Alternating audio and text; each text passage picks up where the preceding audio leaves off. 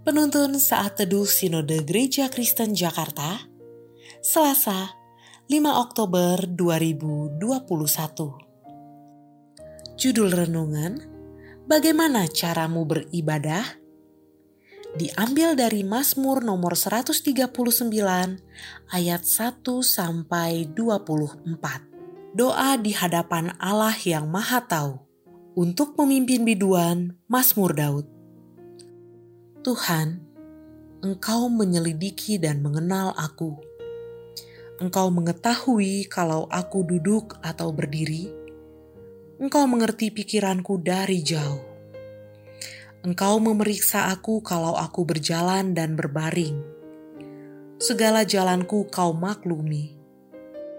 Sebab sebelum lidahku mengeluarkan perkataan, sesungguhnya semuanya telah kau ketahui ya Tuhan dari belakang dan dari depan engkau mengurung aku, dan engkau menaruh tanganmu ke atasku. Terlalu ajaib bagiku pengetahuan itu, terlalu tinggi, tidak sanggup aku mencapainya. Ke mana aku dapat pergi menjauhi rohmu? Ke mana aku dapat lari dari hadapanmu? Jika aku mendaki ke langit, engkau di sana jika aku menaruh tempat tidurku di dunia orang mati, di situ pun engkau. Jika aku terbang dengan sayap fajar dan membuat kediaman di ujung laut, juga di sana tanganmu akan menuntun aku, dan tangan kananmu memegang aku. Jika aku berkata, biarlah kegelapan saja melingkupi aku, dan terang sekelilingku menjadi malam maka kegelapan pun tidak menggelapkan bagimu, dan malah menjadi terang seperti siang. Kegelapan sama seperti terang, sebab Engkaulah yang membentuk buah pinggangku, menenun aku dalam kandungan ibuku. Aku bersyukur kepadamu oleh karena kejadianku dahsyat dan ajaib. Ajaib apa yang kau buat, dan jiwaku benar-benar menyadarinya tulang-tulangku tidak terlindung bagimu ketika aku dijadikan di tempat yang tersembunyi dan aku direkam di bagian-bagian bumi yang paling bawah. Matamu melihat selagi aku bakal anak, dan dalam kitabmu semuanya tertulis.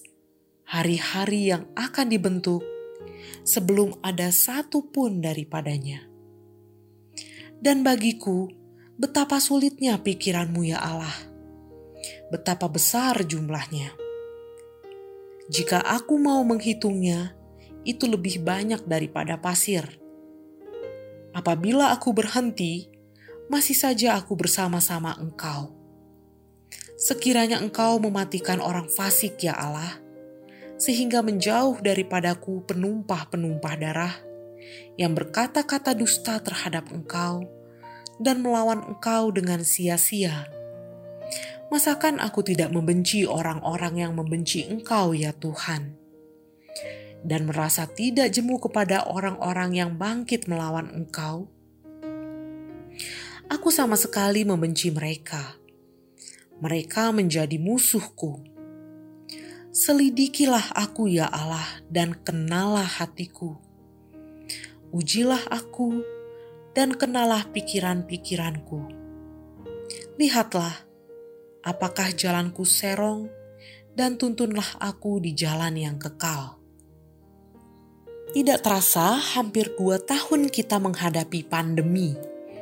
Banyak hal yang berubah, seperti bekerja, belajar, belanja dari rumah, bahkan beribadah juga dari rumah saja dalam keadaan yang tidak memungkinkan untuk tatap muka, gereja-gereja membuka pelayanan ibadah online. Tetapi sayang sekali, ibadah online sering kali berubah menjadi menonton ibadah online. Perbedaannya adalah dari kesiapan hati dan sikap ketika beribadah. Beberapa orang mengatakan bahwa meski ibadah online, namun tetap beribadah dengan sungguh-sungguh. Tetapi ada juga yang beribadah sambil menyapu, makan, chatting, rebahan, atau sambil mengemudi. Mazmur 139 menunjukkan kepada kita sifat-sifat Allah. Allah Maha Tahu, Allah Maha Hadir, dan Allah Maha Kuasa. Daud mengenali Allahnya dengan benar, sehingga itu terlihat dari bagaimana ia mengakui dan menyembah Allah. Salah satu sifat Allah yaitu Maha Hadir. Daud menyadari bahwa Allah tidak terbatas oleh ruang dan waktu, sehingga di setiap tempat dan sepanjang waktu Allah ada. Daud juga selalu dalam pandangan Allah. Hal ini juga berarti bahwa Allah bukan hanya ada di bait Allah atau tempat-tempat ibadah, tetapi segala tempat di mana Dia berada. Demikian halnya dengan kita pada masa kini. Di dalam Kristus, kita diberi pemahaman bahwa Allah adalah Maha Hadir. Oleh karena itu, di mana pun kita berada, bahkan di tempat-tempat yang tidak diketahui oleh orang-orang di sekitar kita, kita tetap menjaga hidup berdasarkan kebenaran firman Tuhan. Kita senantiasa menyadari bahwa di tempat-tempat tersembunyi sekalipun Allah hadir. Di sana kita pun sedang beribadah kepadanya dari dalam hati yang selalu berpegang pada kebenarannya. Memang tidak mudah untuk tetap fokus di dalam beribadah pada masa pandemi ini. Banyak hal dapat mengganggu kita. Tetapi firman Tuhan kembali menyadarkan kita bahwa ibadah tidak terbatas ruang dan waktu. Allah tetap hadir meskipun kita hanya beribadah di rumah. Ingatlah pribadi yang kita sembah dan bagaimana seharusnya sikap kita menyembah. Di mana pun kita berada, di sana kita sedang beribadah kepadanya dari dalam hati yang taat pada kebenaran firman-Nya. Di mana pun kita berada, di sana kita sedang menyembah Allah dari dalam hati yang berpegang teguh pada kebenarannya. Kiranya Tuhan memampukan kita.